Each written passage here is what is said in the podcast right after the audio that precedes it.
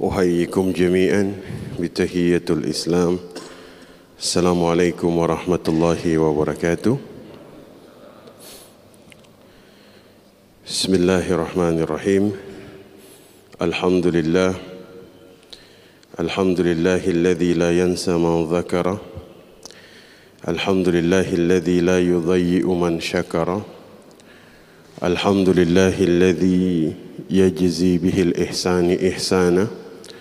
وبالصبر نجاة وغفرانا أشهد أن لا إله إلا الله وأشهد أن محمدا عبده ورسوله أما بعد Bapak Ibu jamaah salat subuh yang dimuliakan Allah Kita sekarang berada di tanggal 9 Zulhijjah ya. Hari di mana doa itu kemudian paling diijabah oleh Allah Subhanahu wa taala. Sehingga pada hari ini kita luangkan waktu kita untuk melakukan kebaikan-kebaikan karena kita tidak pernah tahu sampai kapan kemudian Allah Subhanahu wa taala akan memberikan kesempatan kepada kita untuk bisa berada pada hari-hari seperti ini. Maka dari Aisyah dia berkata bahwa Rasul sallallahu alaihi wasallam bersabda, "Ma min yaumin akthara min an Allah fihi abda minan nari min yaumil Arafah." Di antara hari di mana Allah itu paling banyak membebaskan seseorang dari api neraka adalah hari Arafah. Maka kemudian dari Amr bin Shu'aib dari ayahnya, dari kakeknya, Nabi sallallahu alaihi wasallam bersabda, "Khairud du'a du'a yaumil Arafah." Sebaik-baik doa adalah doa yang kemudian dilakukan pada hari Arafah. Maka kemudian Bapak Ibu yang dimuliakan Allah, luangkan waktu kita pada hari ini kemudian untuk melakukan ketaatan-ketaatan.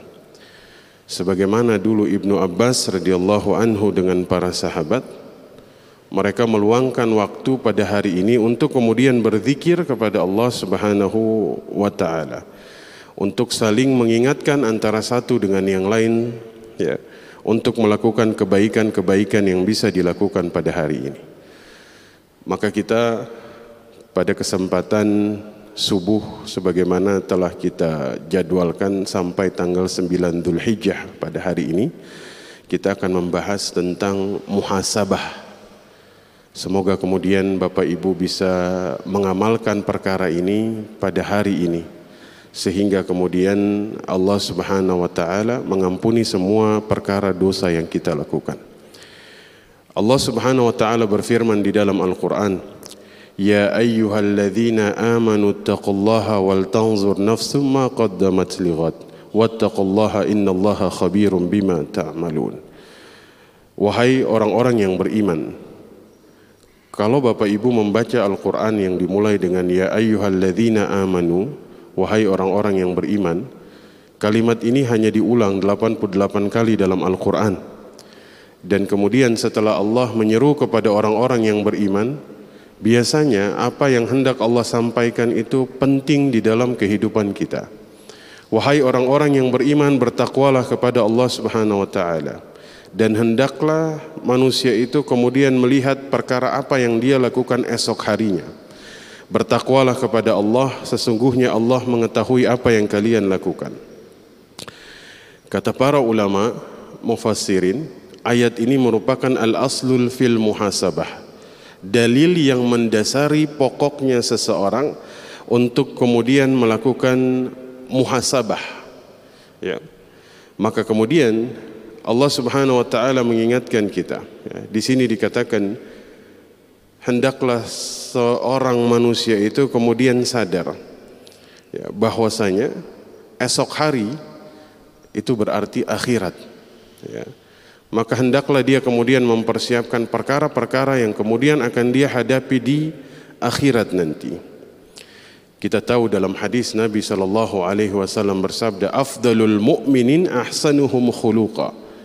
Sebaik-baik orang yang beriman adalah yang paling baik akhlaknya. Wa aksiyahum aktsaruhum lil mauti dzikra wa ahsanuhum lahum isti'dadan ulaikal akyas. Rasul itu kemudian dalam hadis ini menilai kecerdasan seseorang adalah dari yang paling banyak mengingat kematian. Maka kemudian ketika dia mengingat kematian, Nabi mengatakan orang itu adalah orang yang cerdas. Kenapa dia cerdas?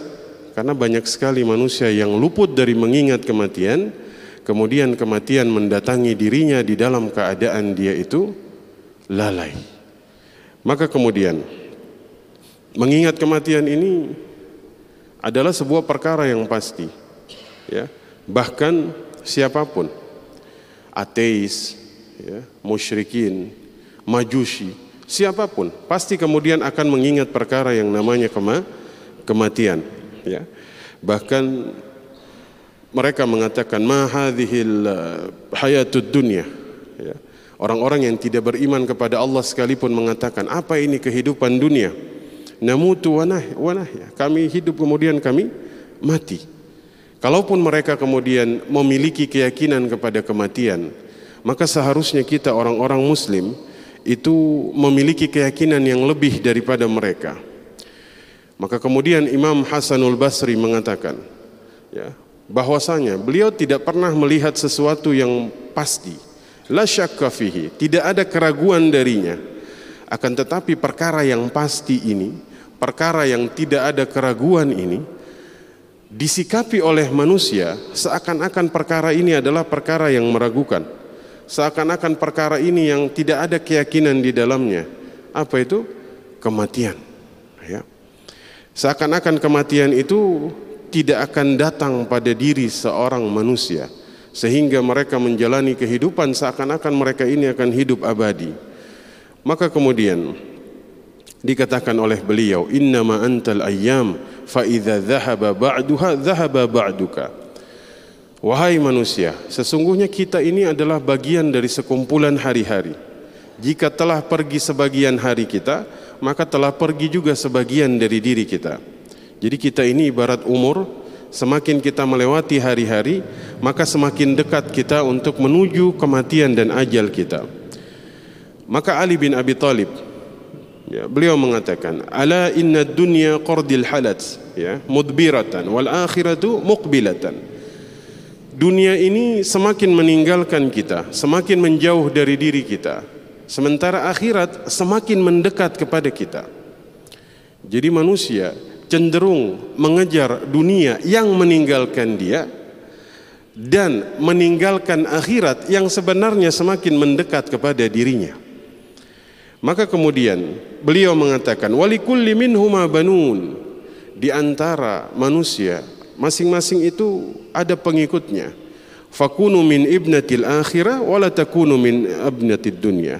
Jadilah pengikut akhirat. Maka janganlah kalian menjadi pengikut dunia. Al yauma amalan bila hisab wal ghadan hisabun bila amal. Hari ini adalah hari di mana mungkin manusia bisa beramal tapi belum dihisap tapi besok akan datang hari di mana manusia hanya bisa dihisap tanpa bisa beramal maka kemudian dari perkataan Ali bin Abi Thalib ini, kalau kita tanya, kalau bapak ibu memiliki niat kemudian untuk belajar Al-Quran sekarang masih bisa? Masih bisa. Niat untuk menghafalkan Al-Quran sekarang masih bisa? Masih bisa. Tapi nanti ketika kita sudah berada di tempat yang tidak mungkin lagi beramal, yang ada hanya hisap saja. Masih bisa beramal? Sudah tidak bisa. Maka kemudian ketika kita berada di dunia ini, ini adalah kesempatan untuk kemudian beramal sebelum nanti datang hari penyesalan. Di dalam surat uh, Al-Kahfi, ya, yaqulu ya laitani, ya. Uh, orang-orang yang kemudian menyesal ketika uh, wawudi al-kitab fatara al-mujrimina mushfiqina mimma fihi wa yaquluna ya wailatana ma li hadzal kitab? La yughadiru saghiratan wala kabiratan illa ahsaha wa wajadu ma'amilu hadiran. Ya. ketika kitab dibuka oleh Allah kita sudah dihisap oleh Allah maka kemudian kita akan menyesal. Kitab apa ini Semua perkara yang kita lakukan kemudian dicatat oleh Allah baik yang kecil maupun yang besar. Tidak ada kemudian yang luput dari Allah Subhanahu wa taala. Maka kemudian Bapak Ibu sekalian yang dimuliakan Allah, dari sini muhasabah ini kemudian menjadi penting. Menjadi penting untuk kemudian kita lakukan, ya. Rasul bersabda, "Al-kayyisu man dana nafsahu wa amilu lima ba'dal maut." Wal ajizu man atba'a hawahu wa tamanna 'ala. Orang yang cerdas adalah orang yang kemudian menundukkan jiwanya, mempersiapkan amalannya setelah kematiannya. Kata Ibnul Qayyim, mandana nafsahu ay hasabaha. Ya, menundukkan jiwa adalah bagaimana kemudian dia menghisap jiwanya, dia memeriksa dirinya. Ya, sebelum kemudian nanti dia akan dihisap oleh Allah Subhanahu wa taala. Ya. Maka dari sini kita tahu pentingnya orang bermuhasabah. Muhasabah ini menjadi awal, langkah awal manusia ini untuk memperbaiki dirinya. Ya. Meninggalkan muhasabah merupakan asbab seseorang itu mudah untuk jatuh ke dalam kemaksiatan. Muhasabah adalah langkah awal seseorang memperbaiki dirinya. Meninggalkan muhasabah adalah perkara yang kemudian menjadi sebab manusia jatuh di dalam perbuatan maksiat. Ibnul Qayyim dalam kitabnya beliau mengatakan watarkul muhasabah wastirsalu wa tasilul umuri wa tamshiyatuha fa inna hadha ya'ulu bihi ila al khalaq wa hadhihi hat ahlul ghurur meninggalkan muhasabah dan membiarkan perkara berjalan begitu saja menggampangkan urusan maka hal ini mengantarkan manusia kepada kebinasaan dan inilah kondisi dari orang-orang yang kemudian terperdaya di dalam hidupnya. Maka kemudian Bapak Ibu yang dimuliakan Allah, jika kemudian kita membiarkan perkara di dalam kehidupan ini berjalan terus tanpa kita bermuhasabah, maka kemudian bisa kita bayangkan tanpa kita pernah menghitung perkara dosa yang kita lakukan. Ketika kemudian kita mencapai usia 60 tahun, ya, kalau 60 tahun ini berarti kita telah menjalani sekitar 2000 hari lebih. Ya. Kalau misalnya satu hari yang kita jalani hanya satu dosa yang kita lakukan, maka kira-kira berapa kemudian dosa yang akan dihisap oleh Allah? 2000. Jika satu hari cuma satu dosa yang kita lakukan. Tapi bagaimana jika kemudian kita menjalani hari kemudian satu hari itu kita berbuat minimal 10 dosa? Berarti sudah sangat banyak kemudian dosa kita yang akan dihisap oleh Allah Subhanahu wa taala. Bagaimana mungkin seorang manusia menghadap Allah kemudian membawa begitu banyak dosa yang kemudian Allah sebutkan satu persatu dosa yang dia lakukan. Fa'altu kadza wa kadza. Dulu engkau pernah berbuat seperti ini. Dulu engkau pernah berbuat seperti ini. Dulu engkau pernah berbuat seperti ini. Wal billah. Maka kemudian Bapak Ibu yang dimuliakan Allah, kita ini harus kemudian banyak-banyak bermuhasabah di dalam kehidupan kita. Harus banyak-banyak kemudian kita meluangkan waktu kita dalam satu hari. Dikatakan oleh Ibnul Qayyim, maktubun fi hikmatin Abu Daud, haqqun 'alal aqil la yaghfila an arba'i sa'at. Wajib bagi seseorang yang berakal ya, agar tidak kemudian terlalaikan dari empat waktu. Satu, sa'atun yunaji fiha rabbahu. Satu hari itu kata beliau dia harus memiliki waktu khusus kemudian untuk bermunajat kepada Allah Subhanahu wa taala ya.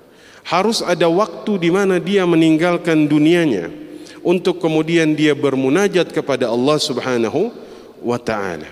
Harus ada saat yang dia siapkan di dalam hari-harinya waktu khusus kemudian yang dia pergunakan untuk kemudian bermunajat kepada Allah Subhanahu wa taala.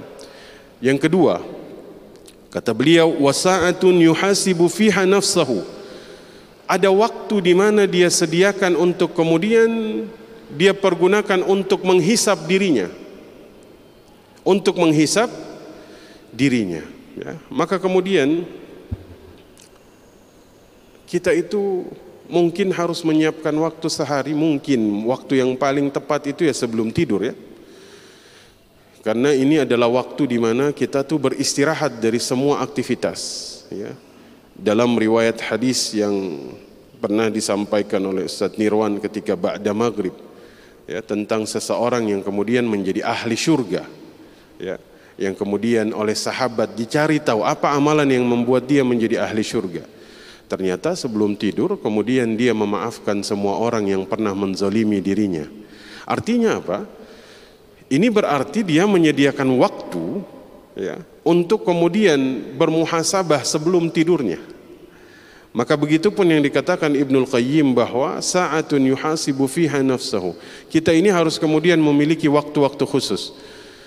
Dan ini dilakukan per hari Bapak Ibu sekalian. Kalau antum lakukan per dua hari, per tiga hari, per empat hari, saya yakin antum semua lupa dosa yang dilakukan. Betul? Kalau dilakukan per hari, maka kita itu akan menghisap diri kita dengan hisap yang sangat terperinci sekali. Dosa Pak saya tadi pagi apa tadi pagi? Oh dosa saya ini berangkat lagi spesifik sekali. Tadi pagi saya kemudian memarahi istri saya misalnya. Astagfirullahalazim. Kita hisap diri kita. Tadi di kantor apa yang saya lakukan? Oh saya bertengkar dengan sahabat saya. Astagfirullahalazim. Kita hisap satu-satu. Kenapa? Karena setiap hari itu adalah waktu yang paling mudah bagi kita kemudian untuk mengingat dosa-dosa yang kita lakukan. Kalau antum menghisap diri antum, bermuhasabah mingguan, ana yakin antum pasti lupa terhadap perkara dosa yang kemudian antum lakukan satu minggu kemarin. Betul? Kalau kita ingat, ini hari Kamis, hari Kamis minggu yang lalu, apa dosa yang kita lakukan? Kita lupa Bapak Ibu. Tapi kemudian ketika kita menghisap diri kita setiap hari, ya, kita luangkan waktu khusus untuk kemudian kita gunakan untuk menghisap diri kita, insya Allah tidak akan ada satupun dosa yang luput kita taubati. Maka kemudian Bapak Ibu yang dimuliakan Allah, siapkan waktu khusus setiap hari, 10 atau 5 menit untuk kemudian kita bermuhasabah. Kita hitung satu persatu perkara dosa yang kemudian kita lakukan di hari ini, yang kemudian kita taubati, kemudian kita istighfarkan kepada Allah Subhanahu wa taala. Kemudian waktu yang ketiga yang dikatakan oleh Ibnu Qayyim ya. Wasa'atun yakhlu fiha ma'a ikhwanihi alladhina yukhbirunahu ya. Uh, beliau katakan bahwasanya kita itu harus punya hari. Harus punya saat di mana kita itu berkumpul bersama sahabat-sahabat yang bisa mengingatkan diri kita. Berkumpul bersama teman-teman yang jujur mengingatkan kita kepada kebaikan. Itu harus ada kata Ibnul Qayyim. Ya, orang-orang yang kemudian jujur untuk menunjukkan kepada kita di mana letak kesalahan kita. Ya. Seseorang yang kemudian jika melihat kita sudah berada di puncak kesombongan kemudian dia ingatkan kita. Seseorang yang melihat apabila kita sudah luput dari kebaikan-kebaikan maka kemudian dia mengingatkan kita. Karena memang manusia, ya, kita ini memiliki yang namanya blind spot. Blind spot itu sisi gelap dari diri kita yang kita ini tidak bisa melihat. Hanya bisa dilihat oleh orang-orang yang terdekat dengan kita, hanya bisa dilihat oleh sahabat-sahabat kita yang kemudian menunjukkan perkara itu kepada kita. Betul? Ya, contoh Mungkin kita tahu pemain sepak bola terbaik di atas muka bumi ini ya siapalah misalnya Messi misalnya. Kenapa dia masih butuh pelatih Bapak Ibu? Padahal dia pun lebih jago dari pelatihnya. Tapi ternyata dia butuh orang lain untuk melihat kekurangan-kekurangan dirinya. Dia butuh orang lain untuk menemukan sisi yang dia sendiri tidak bisa menemukan. Maka kemudian ketika dikatakan bahwasanya kita ini harus berkumpul bersama orang-orang, teman-teman, sahabat-sahabat yang bisa jujur menunjukkan kepada kita di mana letak kesalahan kita. Kemudian perkara yang keempat, ada satu hari atau satu waktu yang kemudian ya, kita butuh berkumpul bersama sahabat-sahabat kita kata Ibnul Qayyim. Sa'atun yakhla fiha baina nafsihi wa baina lazzatiha fima yahillu wa yujmir.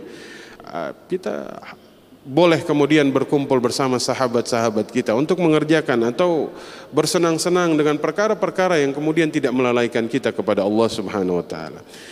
Maka kemudian Bapak Ibu yang dimuliakan Allah, janganlah kemudian kita menunda-nunda untuk uh, menghisap diri kita. Jangan pernah kita kemudian menunda-nunda untuk uh, bermuhasabah terhadap diri kita. Ya. Umar bin Khattab radhiyallahu anhu pernah menulis surat ya, kepada semua pegawai-pegawainya. Ya. Umar menulis surat kepada mereka. Surat yang kemudian berisi nasihat kepada semua pegawai Umar. Pada saat beliau menjadi khalifah, beliau menulis surat kepada semua pegawai-pegawai umalnya, semua dituliskan surat. Ya, kepada para menterinya, kepada para gubernurnya, semua dituliskan surat. Ya. Isinya surat dari Umar bin Khattab itu adalah hasif nafsaka firqa qabla hisabi syiddah. Hisablah dirimu kata Umar bin Khattab. Ya. Dalam kondisi lapangmu sebelum datang hari persidangan dari Allah Subhanahu wa taala. Sebelum datang hisab yang lebih berat dari Allah. Maka hisaplah dirimu di saat engkau lapang sebelum nanti akan datang hisab yang sangat besar dari Allah Subhanahu wa taala. Nah, kemudian bagaimana caranya kita menghisap diri kita Bapak Ibu sekalian yang dimuliakan Allah? Pertama, tadi yang saya katakan, hisap ini bukanlah dilakukan per tahun, bukan dilakukan per bulan, bukan dilakukan per minggu, tapi kemudian lakukanlah hisap ini per hari. Sehingga kemudian tidak ada satupun dosa yang kemudian luput untuk dihisap oleh Bapak Ibu sekalian yang dimuliakan Allah. Maimun bin Mihram pernah mengatakan mengatakan la takunu abdu taqiyan hatta yakunu li nafsihi ashadda muhasaban min asyariqi li eh, syariqihi.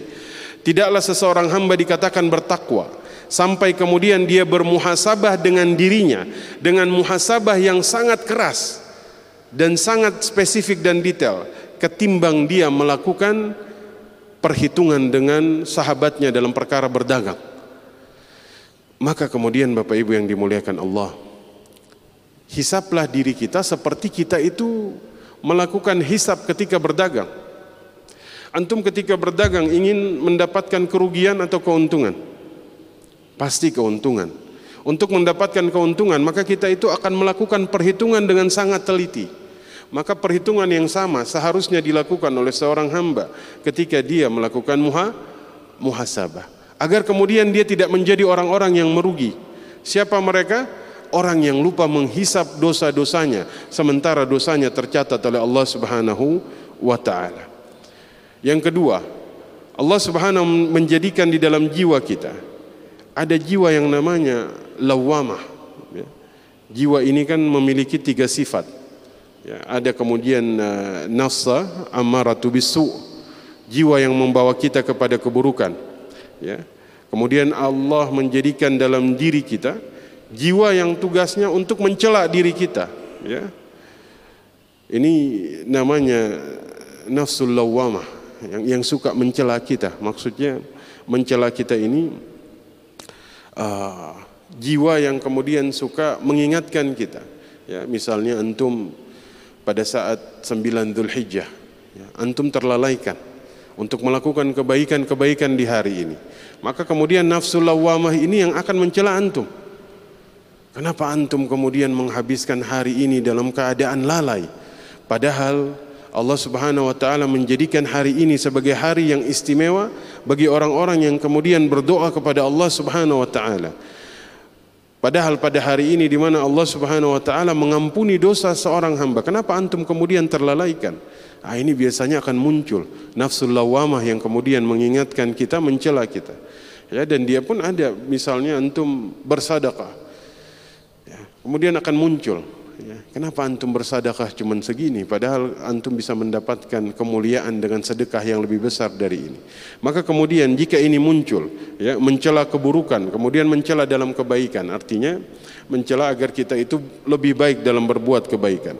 Maka mudah-mudahan Bapak Ibu yang dimuliakan Allah Subhanahu wa taala ya kita tahu bahwa muhasabah itu memiliki faedah di dalam kehidupan. Yang pertama, ya dikatakan oleh Ibnul Qayyim faedah dari muhasabah.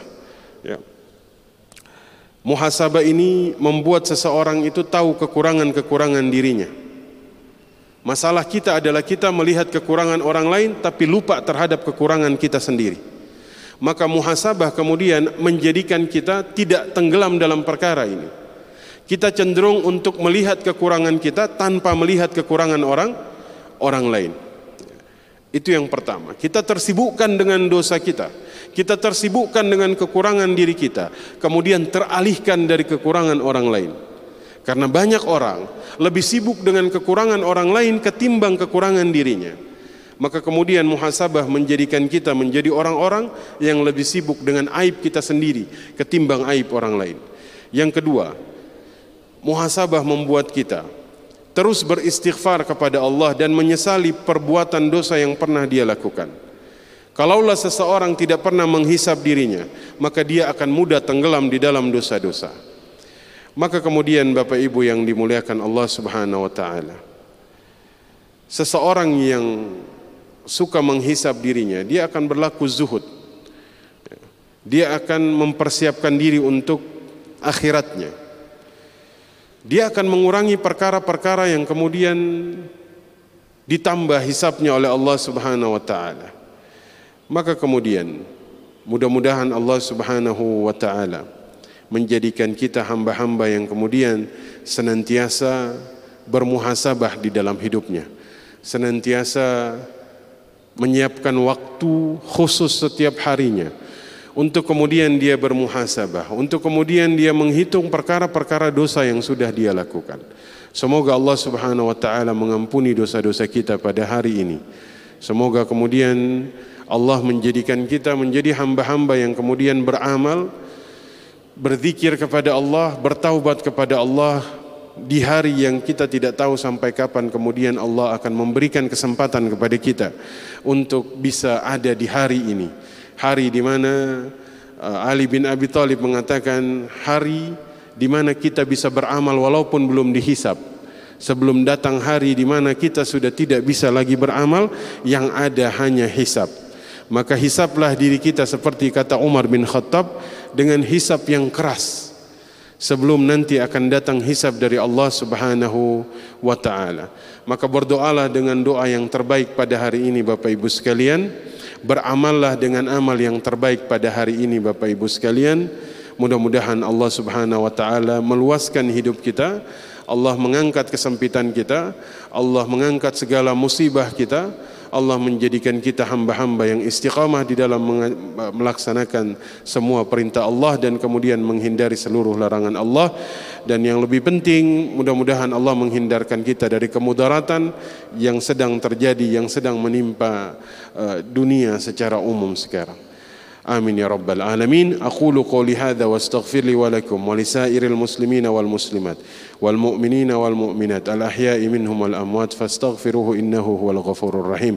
سبحانك اللهم وبحمدك أشهد أن لا إله إلا أنت أستغفرك وأتوب إليك. السلام عليكم ورحمة الله وبركاته.